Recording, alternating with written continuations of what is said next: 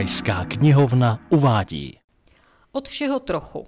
Pomalu se blíží podzim a s ním každoroční chaos spojený s nástupem dětí do škol a vším, co k tomu patří. Ten letošní bude ještě znásobený potřebou dohnat všechno, co jsme během koronaviru zameškali. Spoustě lidí pomalu začíná cukat oko, protože epidemiologové nekamarádí z politiky a opětovné zavádění opatření proti pandemii připomíná jeden velký cirkus. Pedagogové a organizátoři akcí se chytají za hlavu, někomu je to jedno a další nosí roušku pro jistotu všude. Kdybyste náhodou nevěděli, kudy kam, přijďte k nám.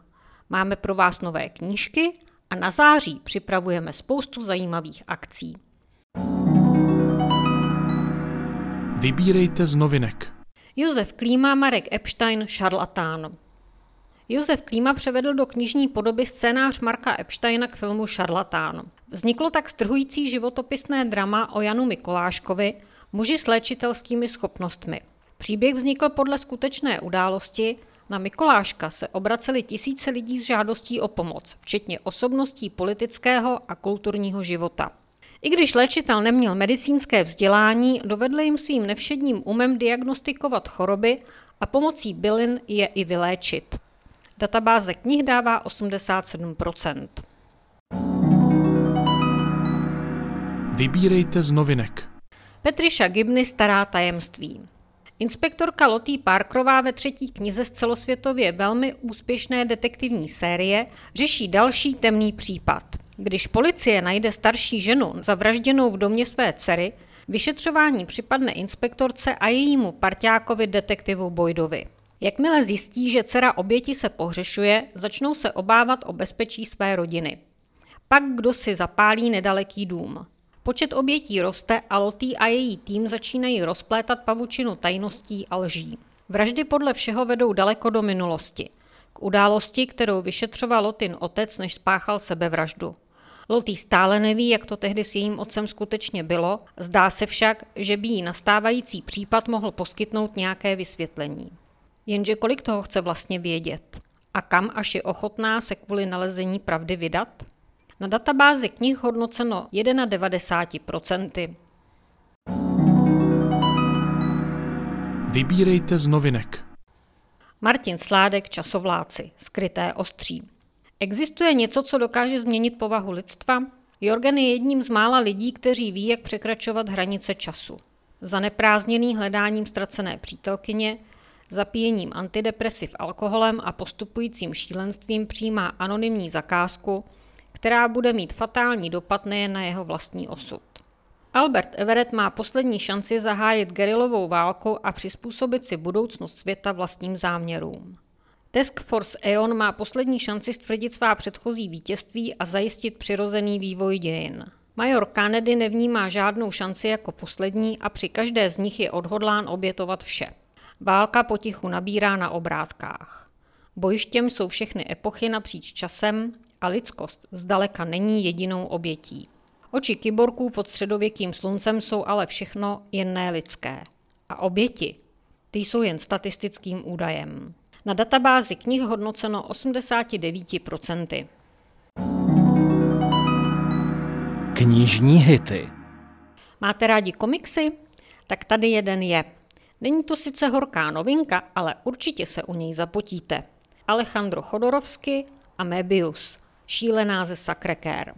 Pro Elena Menžla, emeritního profesora ze Sorbony, sex ztratil veškerý živočišný význam a stal se zdrojem posvátné energie.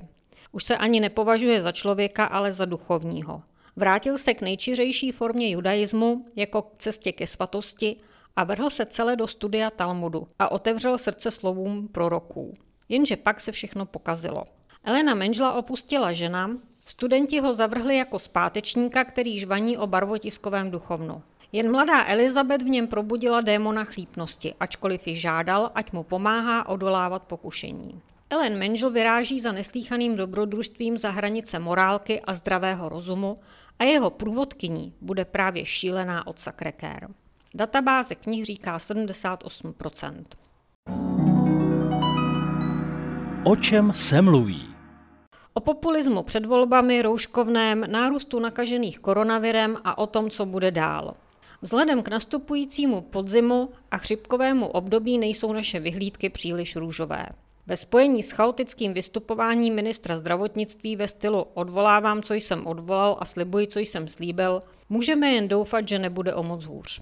Neklesejme na mysli, důvod k radosti se vždycky najde. Třeba v podobě knihy nebo prima akce, která vám vylepší den. A právě takové jsme pro vás připravili. Přijďte se podívat. Na výstavu mexické autorky žijící v Čechách Laury Eleny Rodriguez Garcidueñas, která k nám přiváží sluncem prozářené barvy Mexika. Její obrazy zachycují momenty z běžného života Mexičanů, zvyky, ale i symbolické obrazy bohů předšpanělské historie Mexika. Vernisáž se koná 31. srpna půl páté odpoledne a výstavu můžete v prostorách knihovny vidět až do 27. října. Víte, co čteme? Líná pohádka. Bylo jednou jedno království. Bylo pouze jednou, protože takové království se nedá dvakrát opakovat. Král měl několik synů, ale nevěděl přesně kolik, protože byl líný se zeptat královny, pokud byla naživu, teď byl líný je počítat a cizích lidí se ptát nechtěl. Mnohdy, když nebyl líný přemýšlet, se zamyslel. V zápětí však zapomněl, kvůli čemu začal přemýšlet a než by se namáhal si vzpomenout, dumal o něčem jiném, než původně chtěl. Několikrát začal přemýšlet o tom, který z jeho synů by měl být po něm králem, ale vždycky z vrozené lenosti se mu myšlenky smekly k něčemu snadnějšímu, nebo z té námahy prostě usnul. Jednou však přece došel k rozhodnutí, které naštěstí zapomněl zapomenout. Usnesl se sám v sobě, že králem bude ten z jeho synů, který je ze všech nejlínější. Přikázal svolat všechny své syny a aby nezapomněl, na kdy je dal svolat, nařídil, aby přišli hned. A všichni. Přišli tři tuční mladíci. Král je vyzval, aby se posadili. Chvilku mlčky čekal, když však žádný další tučný mladík nepřicházel, pravil. Jste tu všichni mý milí synové? Ano, odpověděli mladíci. Z toho král nabil jistoty, že má syny tři a jeho sebevědomí náležitě stouplo. Nic nesnižuje mužovo sebevědomí tolik jako nejistota co do počtu vlastních dětí. Mám vás všechny tři stejně rád, pravil se slzou v oku. Nerozplakal se však usedavě, protože usedavě plakat dá námahu. Potom vysvětlil chlapcům, že království bez tradic je horší než třeba republika s tradicemi a právě protože odkáže království a trůn jen tomu z nich, kdo je nejvíce tradičně líný. Nejstarší z vás nechť promluví, zakončil. Chlapci se dívali jeden na druhého, čekajíce, kdo z nich začne. To ani nevíte, kdo z vás je nejstarší? ptá se král. Teď ono to dá práci si to pamatovat, tatí, řekl nejtučnější z nich. To znělo slibně. Ukázal tedy král na jednoho svých synů. Tak začni třeba ty. Jak se jmenuješ? No to je jedno mluv. Tatí, začal mladík. Já jsem velice líný. Já jsem tak líný, že spím s otevřenýma očima. Zavírat na noc klapky a ráno je zase otevírat, no uznej, to je zbytečná dřina. Král seděl a koukal do dálky. Když za hodinu nic neřekl, začal druhý syn o své lenosti. Tudle jsem si set u krbu. Pomalu ze sebe soukal a chytili mi škorně a vodních nohavice. Tak jsem to nechal bejt. Jestli schořím celý. Neschořel. Ono to na lejtkách zhaslo. Král se díval do dálky. Za hodinu třetí kralevic začal mluvit. Mluvil tak líně, že mu bylo sotva rozumět. Já bych tento cheche jako třeba jsem po čibenicí, ne? Že jo? A heleď, teď mě jako tahaj nahoru za jak se to jmenuje, mám na tom hlavu, víš za co, viď? A teď mi někdo dá do ruky kudlu nebo nůž, ne, abych se tento odříz. To by se divili, jo? Jo, krk se to jmenuje, kde jsem přestal. Že by se divili, pravil nejtučnější mladík. By se divili, jak bych se nechal oběsit, chá, přece tatí zvednout ruku až semhle, takhle nad to, nad krk, fuj, to musí být námaha. Král seděl a hleděl do dálky. Když se ani za tři hodiny neprojevil, chlapci se začali ptát, který z nich tedy bude králem. Tak řekni tatí, který z nás je nejlínější, kdo dostane trůn? Král se přestal dívat do dálky a pravil. Já byl líný vás poslouchat a teď jsem líný se ptát, o čem tu byla řeč. A zůstal králem ještě dlouhá léta, protože byl líný umřít. Pokud jste uhodli název i autora, pište nám do zpráv. A ještě vám dlužíme odpověď z minulého dílu. Četli jsme o tu Pavla, jak jsem potkal ryby.